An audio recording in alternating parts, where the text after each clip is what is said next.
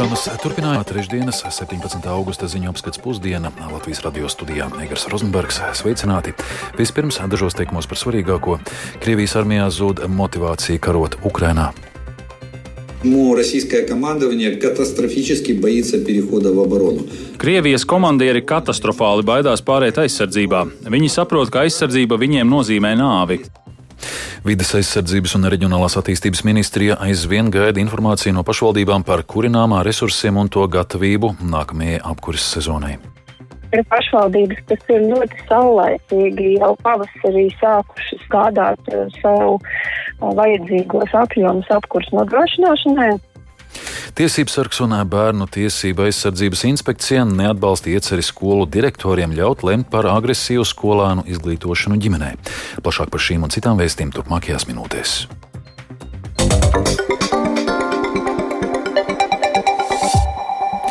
Krievijas armijā zūd motivācija karot Ukrainā, bet algotņu rindu papildināšanai palīdzību meklē Centrālā Azijas valstīs. Tā uzskata Ukrainas izlūka dienests un militāri eksperti. Bet tikmēr Ukrainas prezidents aicinājis sabiedrību aktivizēties, lai Krievijai kļūtu vēl grūtāk karot Ukrainā. Vairāk par aktualitātēm Ukrainā stāsta Uģis Lībietis. Pēc nedēļas 24. augustā Ukrainā tiks atzīmēta neatkarības diena, un apritēs septiņi mēneši kopš Krievijas uzsāktā iebrukuma Ukrainā. Šajās dienās tiek saņemtas ziņas par jauniem raķešu triecieniem Odesas apgabalā, Harkivā, Mikolājevā. Kā paziņojas Ukrainas bruņoto spēku komandieris Valērijas Zalužnīs, ikdienu okupācijas spēki apšauda Ukraiņu pozīcijas no 7 līdz 800 reižu. Pēc Zalužnī vārdiem pašlaik uzbrukumi notiekot visas fronts līnijas garumā, un galvenais iebrucēja mērķis esot izsākt izspiest Ukrainas bruņotos spēkus no Donetskas apgabala. Bruņoto spēku komandieris arī paudza bažas, ka ievērojama skaita raķešu sakoncentrēšana Baltkrievijā un arī citur Ukrainas robežu stūmā var liecināt par drīzumā gaidāmu masveidu triecienu Ukrainas teritorijai. Kā vakar savā ikvakarā uzrunā tautai uzsvērs Ukrainas prezidents Valdemirs Zelenskis, Ukrainas tautai ir nepieciešams darīt visu iespējamo, lai ienaidnieks piekustu no šī kara. Pēc Zelenska vārdiem galvenā Ukrainas priekšrocība ir tajā, ka savas valsts aizstāvībā ir iesaistīti miljoniem cilvēku. Gan tieši kaujas laukā, gan kā brīvprātīgie, gan aktīvisti, atbalstot karavīrus, gan pildot citus pienākumus.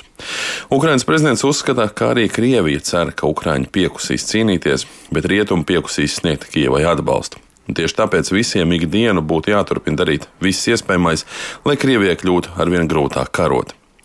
No savas puses militārais eksperts Oļegs Ždanovs ir pārliecināts, ka Krievijas spēki jau tagad saskars ar nopietnām grūtībām, jo ir zudusi motivācija riskēt ar savu dzīvību, aizstāvot kādu ieņemtu Ukrainas pilsētu.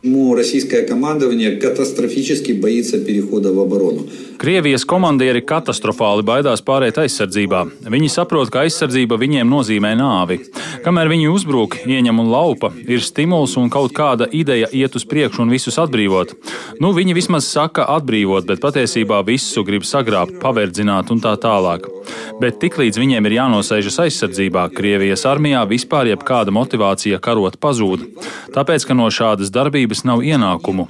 Cita lieta ir algotņi. Viņi karos, jo viņiem par to maksā. Par katru uzbrukumu, par katru kauju viņi saņem papildu naudu savai algai. Bet kas notiek ar citiem spēkiem? Они что? Arī Ukraiņas izlūkdienas ziņo, ka pēdējā laikā arvien vairāk algotņu karošanai Ukrainā tiek meklēti Centrālāzijas valstīs - Uzbekistānā, Taģikstānā, Kirgistānā. Tāpat notiekot aktīvs darbs ar šo valstu pilsoņiem Maskavas augbalā, kur papildus līgumam tiek solīta arī Krievijas pilsonība. Tas sot skaidrojums ar pašu Krievijas pilsoņu nevēlēšanos iesaistīties kara darbībā. Vienlaiks tiek ziņots, ka arī Čečenijā tiekot komplektēti četri bataljoni nosūtīšanai uz Ukrainu, un šajos spēkos daudz esot čečenu spēku struktūru nolaupītu vīriešu no lauku reģioniem. Izlūkdienas arī novērojas, ka Čečenijas sabiedrībā pieaug neapmierinātība ar to, ka musulmaņiem arvien vairāk ir jākaro svešā divu kristiešu valstu karā. Bet tikmēr Ukraiņas bruņoto spēku pārstāvji ir paziņojuši, ka triecieni pa Krievijas spēku pozīcijām un munīcijas krātuvēm turpināsies, tostarp arī okupētajā Krimā, apgrūtinot iebrucēju spējas apgādāt savas vienības uz laiku okupētajos Ukraiņas dienvidu rajonos. Ārvalstu eksperti gan norāda, ka tādos uzbrukumos, kā vakar notika Džankojas tūmā, ASV piegādātās raķešu sistēmas Haimars nav izmantotas, un līdz ar to solījumi amerikāņiem tiek pildīti. Taču vienlaikus tiek piebilsts, ka patiesībā neatbilst arī Krievijas propagandas apgalvojumi par to, ka līdz šim ir iznīcināts jau vairākas Haimars iekārtas. Tās visas joprojām esot ierindā. Uģis Līpietis, Latvijas radio. Situācija kravu pārvadājumu nozarē ir smaga, jo ir būtiski samazinājies tranzīta kravu apjoms. To šorīt Latvijas radio atzina uzņēmuma Latvijas dzelzceļa padomjas loceklis Andris Maldups. Uzņēmums saskroties arī ar darbinieku trūkumu atsevišķos reģionos. Infrastruktūras uzturēšanai būšot nepieciešams vairāku desmitu miljonu eiro atbalsts no valsts. To satiksmes ministrs Tāls Linkaits no konservatīvajiem solotājs stāvēt. Par situāciju kravu pārvadājumos pa dzelzceļu sarīkota diskusija, kurai seko līdzi arī kolēģis Jānis Kīncis. Sveiks, Jāni! Sveiks, Taigars, sveicināti klausītāji! Lūdzu, raksturo sīkākā problemātisko situāciju kravu pārvadājumos pa dzelzceļu. Jā, uzņēmumā Latvijas dzelzceļš kopš 2019. gada Darbinieku skaits ir sarucis par diviem ar pusi tūkstošiem. Cilvēki iet prom no darba šajā uzņēmumā, jo tas nespēja nodrošināt konkurētspējīgu atalgojumu. Un, eh, kā jau tu minēji, atsevišķos reģionos ir infrastruktūras uzturētāju trūkums, tāpēc viņus ved darbā no attālākiem reģioniem. Un jau divus gadus Latvijas dzelzceļam ir nepieciešams papildu finanšu atbalsts no valsts, lai uzturētu dzelzceļa infrastruktūru. Tam būtu nepieciešami vairāk desmit miljonu eiro. Vienlaikus šobrīd vēl nav darbinieku vēl vairāk darbinieku nav jāatlaiž, jo sliktākie scenāriji tomēr nav piepildījušies. Proti, šajā gadā līdz šim pārvadāto kravu apjoms ir audzis par 15%. Tas saistāms arī ar plašākiem kravu pārvadājumiem no Kazahstānas un Uzbekistānas. To intervijā Latvijas radio teica Latvijas dzelzceļa padomus loceklis Andris Maldups. Paklausīsimies viņa teikto. Dzelzceļam pirmkārt jāstrādā, ir, lai piesaistītu jebkuru kravu Līdz ar to viss, kas nav sankcijās, viss, kas ir atļauts katra tonna, mums ir ļoti svarīga. Tā vai tā lielākie tirgi no dzelzceļa viedokļa mums ir austrumos. Tāpat Krievija, Baltkrievija, Centrālā Azija, arī Ķīna ļoti aktīvi šobrīd notiek sadarbība. Mums ir ļoti konkrētas cerības, ka izdosies konteineru vilciens no Ķīnas palaist. Bet otra lieta ir arī šie iekšzemes pārvadājumi, kuri, protams, ir ļoti būtiski. Tur pamatā jau ir kravu grupas, graudi, koku materiāli tas arī ļoti lielā mērā ir atkarīgs, vai izdosies izveidot tādu infrastruktūras maksas modeli vai kompensācijas modeli, lai šos iekšzemes pārvadājumus varētu kaut kādā daļā nu, pārcelt no autotransporta uz dzelzceļu. Vai šīm iecerēm ir arī politisks atbalsts? Šai tematikai veltītajā diskusijā, kas šobrīd norit, uh, tā dots nosaukums dzelzceļš vai autotransports kravu pārvadāšanai, kas ir sabiedriski izdevīgāk. Šajā diskusijā satiksmes ministrs Tāls Linkaits no konservatīvajiem uzsvēra, ka pārvadājumi pa dzelzceļu ir arī vidē draudzīgāks pārvadājumu veids, kas saskan ar Eiropas zaļā kursa mērķiem. Uzņēmumam Latvijas dzelzceļš tādējādi būs jāveicina iekšzemes pārvadājumi un jāpārliecina, ka tie būs gan ātri un efektīvi.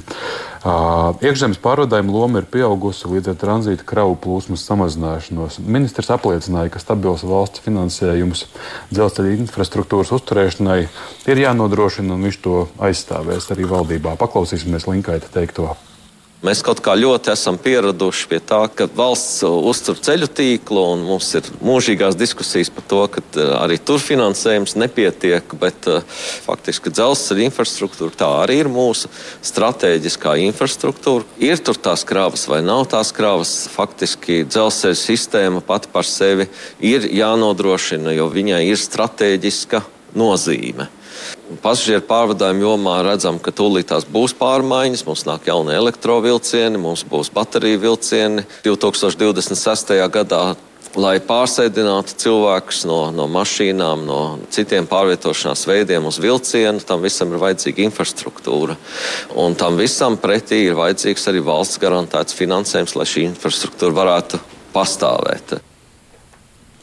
Īsi piebildīšu, ka konkrētas summas par nepieciešamo valsts finansējumu apjomu dzelzceļa infrastruktūras attīstīšanai un pārvadājumu veicināšanai šodien vēl nenosauc ne Latvijas dzelzceļa padomas loceklis, ne nozars ministrs. Eh, taču diskusijas valdībā par to būs sagaidāmas jau tuvākajā laikā. Paldies! Eh, tā Jānis Kīncis par situāciju kravu pārvadājumu nozarē.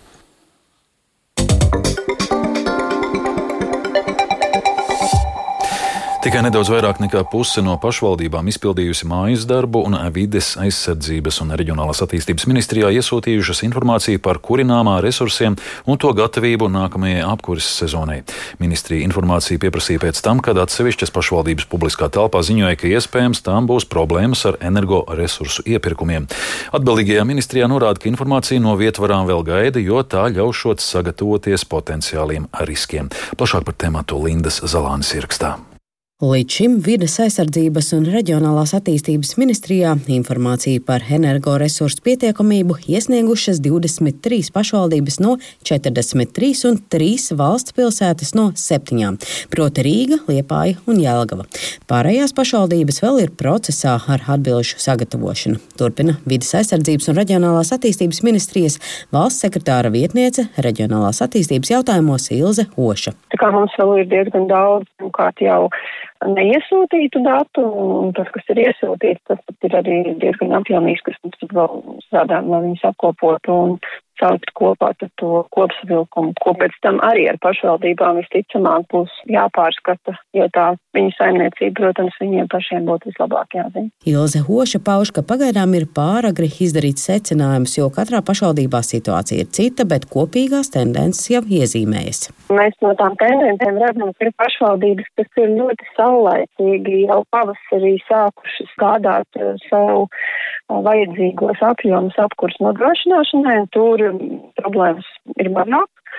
Savukārt tur, kur nu, tie iepirkumi ir varbūt atlikti tuvāk apkurss sezonai, tas ir šis brīdis un, un vasaras iepriekšējie mēneši, tad tur nu, redzam, ka ir tieši tās situācijas, kad uh, iepirkums varbūt beidzies bez rezultāta, uh, cenas ir būtiski augstākas, apjomi nav piedāvāti iespējams tie, ko pašvaldībā ir nepieciešams sagādāt līdz rudenim. Protams, arī pašvaldības, kurās ir gāzi, kas ir atsevišķs jautājums, kur vispār tādu iepirkumu šobrīd uh, nevar ilgtermiņā noslēgt. Reizeknes domas priekšsēdētājs Aleksandrs Bartaševits no saskaņas teica, ka nemitīgi notiek iepirkumi gan dabasgāzē, gan granulām un šķeldai. Visi nepieciešamie apjomi nākamai apkuras sezonai ir iepirkti līgumi ir noslēgti, bet tur ir vienalga ir problēmas. Piegādātāji redzot, ka cenas aug tirgu, viņi vienkārši uzteica visus tos līgumus, nu, kā teikt, sākas viss no jauna. Pat ja ir noslēgti līgumi, nekādas garantijas, ka mēs dabūsim šķeldu un uh, granulas par to cenu, kur ir fiksēta mūsu līgumus. Ja? Un es domāju, ka tā situācija ir absolūti līdzīga visam pašvaldībām. Aleksandrs Bartaševičs pauž bažas, ka situācijā, kad energoresursu cenas aizvien pieaug, iedzīvotāji nespēs samaksāt augstos apkurs rēķinus. Iedzīvotāji pamatoti neuzskatīs tās cenas par taisnīgiem, un tas nozīmē, ka viņiem nemaksās par to siltumu piegādātu. Un tas nozīmē, ka visi uzņēmumi, kas piegādā siltumu, viņi faktiski nu, var bankrotēt. Ja? Un tas eh, savukārt nozīmē, ka viņi nevarēs piegādāt siltumu. Un tad iznākums tas pats, ka ja mums nebūtu vispār gāzes, tad tas nozīmē, ka mēs sēdēsim augsties dzīvokļos. Liepājas domas izpildu direktora vietnieks īpašuma jautājumos Mārtiņš Stīdens stāsta, ka Liepāja apkur sezonai ir sagatavojusies, cik nu tas iespējams šajā situācijā. Ir noslēgta līguma par šķeldes iegādi ar 11 piegādātājiem un vienu gāzes piegādātāju. Gāzes līgums piesaistīts biržas cenai, un tas nozīmē, ka tarifs nākamajā apkur sezonā katru mēnesi var mainīties. Nelielas bažas ir par Liepājas reģionālo slimnīcu, kurai siltumu nodrošina ar gāzi paralēli gan Liepājas enerģija tur ceļ faktiski uzsākus projektu jaunu šķeldu katlu mājas būvniecībai. Vienu uzbūvēja pagājušā gada novembrī, bet tagad būvē vēl vienu. Bet nu, to uzbūvēt varēs tikai nu, jau pēc šīs gaidāmās apkurses sezonas. Mūsu skatījumā ļoti vajadzētu līdzēt droši vien, kad slimnīcām, nu, arī skolām iespējams, bet nu, tādām kritiskai infrastruktūrai, kas nu, ir risks. Protams, tur ir noslēgts līgums, bet tādam salīdzinoši mazam patērētājam, nu, tie līgumi, nu, šodien viņi ir, rīt viņi var nebūt. Tādus riskus vajadzētu novērst. Varam pārstāve Ilze Oša uzsver, ka ir svarīgi apkopot informāciju par energoresursu pietiekamību pašvaldībās, jo tas ļaus krīzes situācijā rīkoties ātrāk un mērķiecīgāk. Linda Zalāne, Latvijas radio. 13 gados nosiltināti vien 10% daudz dzīvokļu ēku kamēr savu kārtu gaida vēl 11,000 namu. apkures cenas aug. Latvijas radio ziņu dienests pēta. Zaudētais siltums. Latvijā beidzot apgriezienus uzņēmusi daudz dzīvokļu ēku siltināšana. Stimulējošie faktori ir gan fakts, ka plānošanas periods, kas aizsākās 2014. gadā, tuvojas finišam, šī programma beidzas un ir pēdējais brīdis ieliekt vilcienā, gan arī straujais energoresursu cenu lēciens, kas daudziem liek aizdomāties, vai nebūtu prātīgāk dzīvot siltinātā mājā un apkurss sezonā neizjust tik spēcīgu siltuma rēķina kāpumu.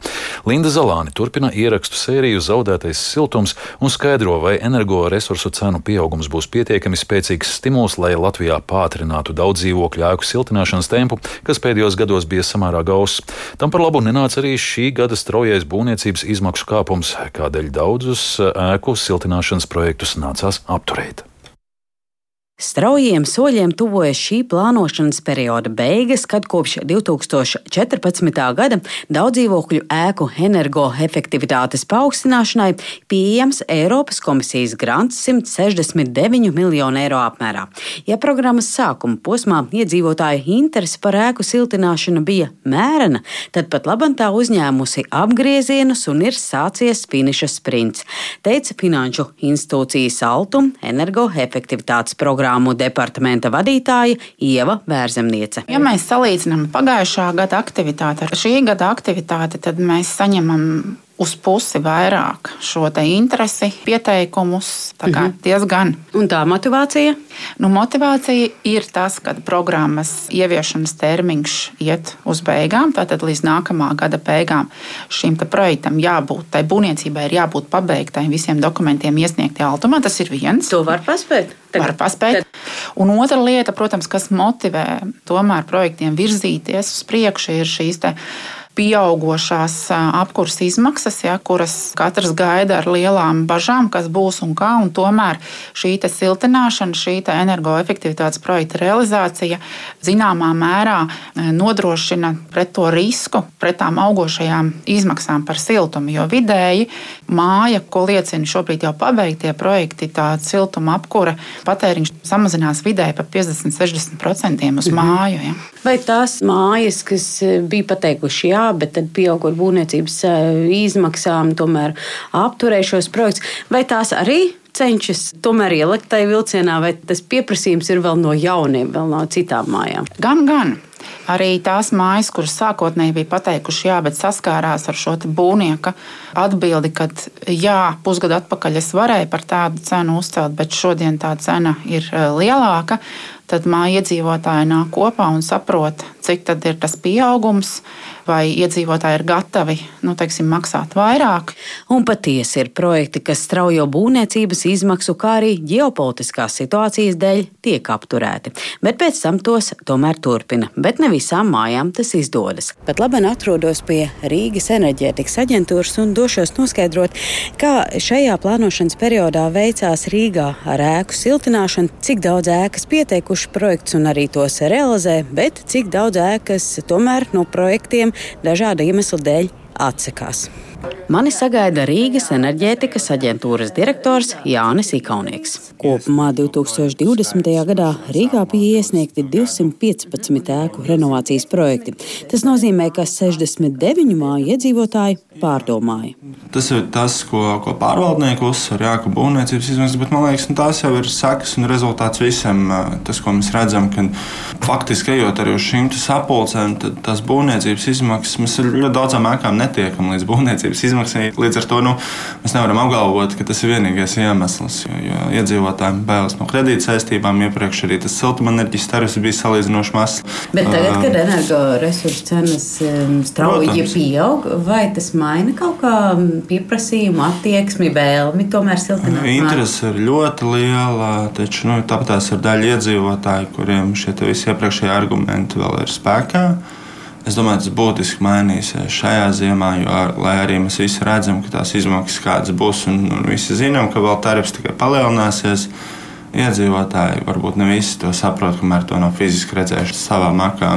Tiesa nekas nav beidzies, noslēgsies šis plānošanas periods, un uz papēžiem jau min atvesaļošanas un noturības mehānisma plānā pieejamais grants 57 miljonu eiro apmērā. Šajā programmā projekti jāīsteno apmēram divu ar pus gadu laikā. Linda Zalāne, Latvijas radio.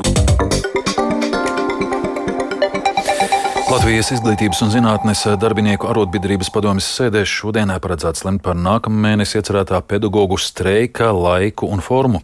Plānots, ka streiks būs beztermiņa. Arotbiedrība prasa sabalansētu darba slodzi, atalgojuma palielināšanu saskaņā ar izglītības likumā noteiktiem principiem un taisnīgu finansējuma sadali, lai neciestu pedagoģi no pašvaldībām ar sakārtotu skolu tīklu un lielu izglītojumu skaitu. Tikmēr Tiesības sargs un Bērnu tiesība aizsardzības inspekcija neatbalsta ieceri skolu direktoru rektoriem ļaut lemt par agresīvu skolēnu izglītošanu ģimenē. Eksperti norāda uz kvalitatīvas izglītības pieejamības riskiem. Savukārt Izglītības un zinātnes ministrijas un skolu vadītāju organizācijas ieskatā izglītības likumā jāstiprina pedagoģu tiesības, lai mazinātu emocionālās un fiziskās vardarbības problēmas skolās. Plašāk par diskusiju Sintīs Ambotas ierakstā. Paredzēts, ka šādu lēmumu skolu vadītāji varēs pieņemt, ja skolēns veicis atkārtotu emocionālu vai fizisku vardarbību pret pedagogiem vai skolas biedriem.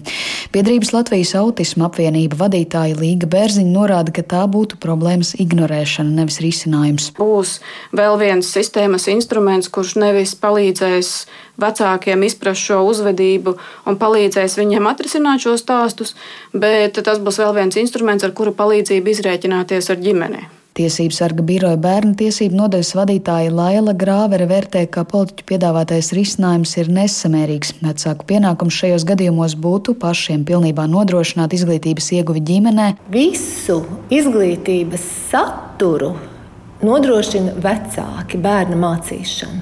Bērnam nav paredzēta neviena konsultācija skolā. Konsultācijas pie mācību priekšmetu skolotājiem ir vecākiem.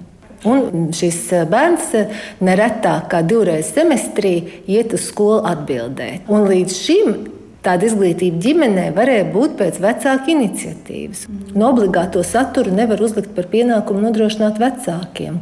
Savukārt Latvijas izglītības vadītāja asociācijas valdes locekle Rīgas 40. vidusskolas vadītāja Jeļena Vedišķeva iezīmē vardarbības problēmu skolās un pārliecināta, ka atkārtoti vardarbīga skolēna apmācība ģimenē ir risinājums, jo nereti šo bērnu vecāki skolotāju un atbalsta personāla teiktajā neieklausās. Mēs nevaram teikt, ka tas ir masveidā. Tieši tāpēc mēs arī piedāvājam, ka direktors var izvērtēt šo situāciju. Valsts bērnu tiesību aizsardzības inspekcija grozījums neatbalsta. Vienlaikus inspekcijas vadītājs vietniece Valentīna Gorbunova apstiprina, ka vardarbības skolās ir problēma, kam gan jāmeklē citi risinājumi, jo lielākajā daļā gadījumu problēmas ar bērnu uzvedību iezīmēs pirmskolas vecumā, kuras arī pedagogiem saulaicīgi būtu jārisina piedāvājums, nu, mēģinājums, teiksim, tā problēma varbūt paslaucīt zem tepiņa, kas ir īstermiņa risinājums, bet eh, ilgtermiņā tas noteikti atgrieztos ar bumeranga efektu. Grozījumi tapuši līdz ar diskusiju par pedagoģu tiesībām izglītības likumā, bet konkrēto priekšlikumu iesniegus izglītības ministra Anita Mužniec no konservatīvo partijas, kuras padomnieks Jānis Ozols gan skaidro, ka direktoram, kas pieņems lēmumu par agresīvu skolēnu izglītošanos ģimenē, arī joprojām būs jāuzņemas atbildība par viņu izglītību. Skaidrs, ka mēs arī nevaram saredzināt eh, mūsu pedagogus, atstājot viņus bezpalīdzīgā situācijā ir attīstījusies tā ideja no izglītības ģimenēm, ir attīstījies līdz tam, ka tomēr normatīvā aktā tiks paredzēts, ka līdz 23. gada decembrim tiks sagatavota speciāla kārtība ar visām institūcijām, kas tiks uzskaitīts, kurām šādā brīdī, kad direktors ceļ trauksmi, ir jāiesaistās, Saimnes izglītības komisijas vadītājs Arvils Ošerādens no jaunās vienotības norādīja, ka iepriekš vienošanās par atkārtoti agresīvu skolēnu izglītības jautājumu vēl nav panākta un plašāku diskusiju par šiem grozījumiem sola septembrī. Sinti Ambota, Latvijas radio. Un vēl šodien no 6 līdz 7 vakarā elektroenerģijas stundas cena Latvijā sasniegs Nordpūlu biržas griestus, proti 4000 eiro par megavatstundu. Šāda cena būs arī pārējās Baltijas valstīs Lietuvā un Igaunijā. Dzirdējāt 17. augusta ziņu apskatu pusdiena programmas producents Viktors Pupiks par skanējumu rūpējās Kārlis Rašmanis un Krišjānis Stikāns. Studijā Negars Rozenbergs vēlreiz par svarīgāko. Krievijas armijā zūd motivācija karot Ukrainā. Vides aizsardzības un reģionālās attīstības ministrija aizvien gaida informāciju no pašvaldībām par kurināmā resursiem un to gatavību nākamajai apkuras sezonai. Tiesības sargs un bērnu tiesība aizsardzības inspekcija neatbalsta ieceri skolu direktoriem ļaut lemt par agresīvu skolēnu izglītošanu ģimenei. Mūsu ziņām var sekot līdzi arī Latvijas Radio 1 Facebook lapā un LSM LV.